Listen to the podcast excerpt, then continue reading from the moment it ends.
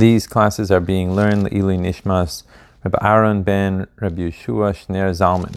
We are holding Masechtas Rosh Hashanah, Perak Aleph, the fifth Mishnah. it says like this: Ben Shnir Ba'alul, Ben Shalonir Ba'alul, Mechalim Alavas Shabbos. Whether you see the new moon in a clear way or not in a clear way, either manner, you are allowed to desecrate the Shabbos in order to go to Yerushalayim in order to be a witness to it. So what we're talking about here is, as we mentioned the last couple of uh, Mishnahs, people would be looking out for the new moon, which was a sliver of the moon that was seen right around the uh, sunset.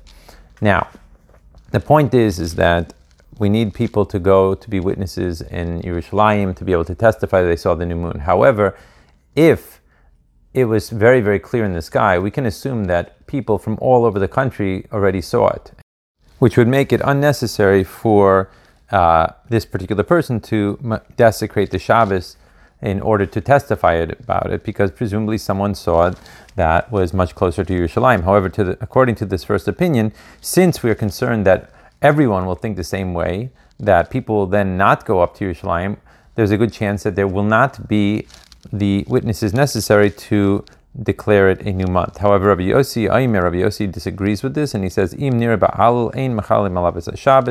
If the moon is seen very clearly, we can assume that uh, there are other people that saw it that are close to Yerushalayim, and therefore it's unlikely that his testimony would be needed. Uh, Mishnah Vav.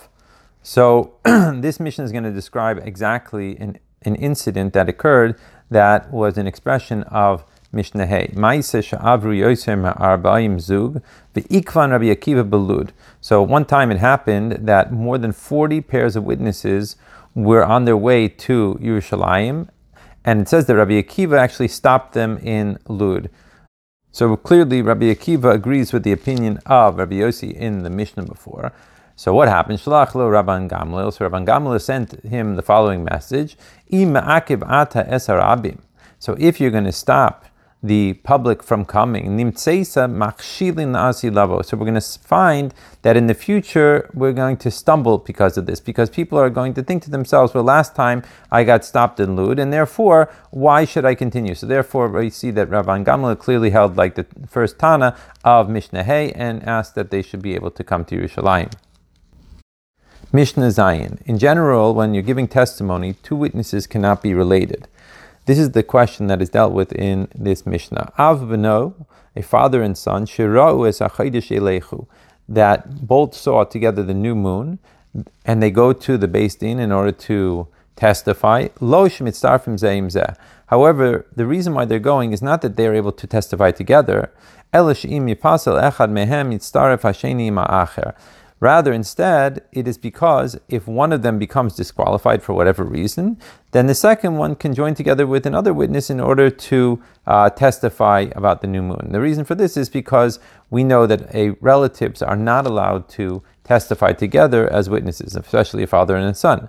However, Rabbi Shimon disagrees with this. Rabbi Shimon, Rabbi Shimon says,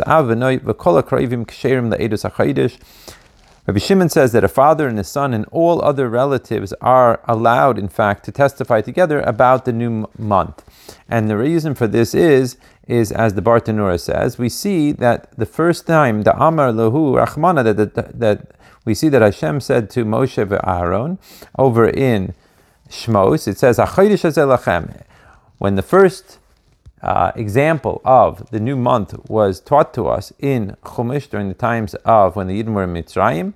It says that Hashem showed Aaron and Moshe the new moon. And therefore, we see from this that a brother and another brother are, in fact, able to go together in order to testify about the new moon. Now, what would the original Tana say about that? The original Tana that would say about that that really what it's referring to is that since Aaron and Moshe were the greatest of the generation, so therefore the testimony should be done in front of the greatest of the generation. Continuing in the Mishnah, Amar Rabbi Yossi, Rabbi Yossi told an interesting story about this. Maisa, there was a story, Tuvia. Betuvia Haraife, Tuvia the doctor, Shara is. He saw the new moon in Yerushalayim. Who v'noi va'avdo meshuchrar. So who saw it? He saw it. His son saw it, and his Canaanite slave that was freed. Now, a Canaanite slave that is freed has the status of a ger, a convert to Yiddishkeit. V'kiblu akayanim oiso ve'ez So on his way to the Sanhedrin, because that were the only people that he would be able to testify in front of. He started discussing it with a group of Kayhanim. So what did the Kayhanim say? The Kayhanim said that really it's going to be you and your son that are going to be accepted. Upaslu avdo, however, your slave is not going to be accepted because he doesn't have a Jewish uh, lineage. However, Kishibal Lifnei Beis Din, however, when the three of them came in front of the Beis Din, Kiblu Oisov Es Abdo, the Beis Din, in fact, the judges decided they accepted him and his free slave because from their point of view, having a Jewish lineage is not necessary here. In fact, the fact that he is a convert is fine. Upaslu as benai, and therefore they disqualified his son because they felt like the original Tana that you're not allowed to have relatives testify about the new moon.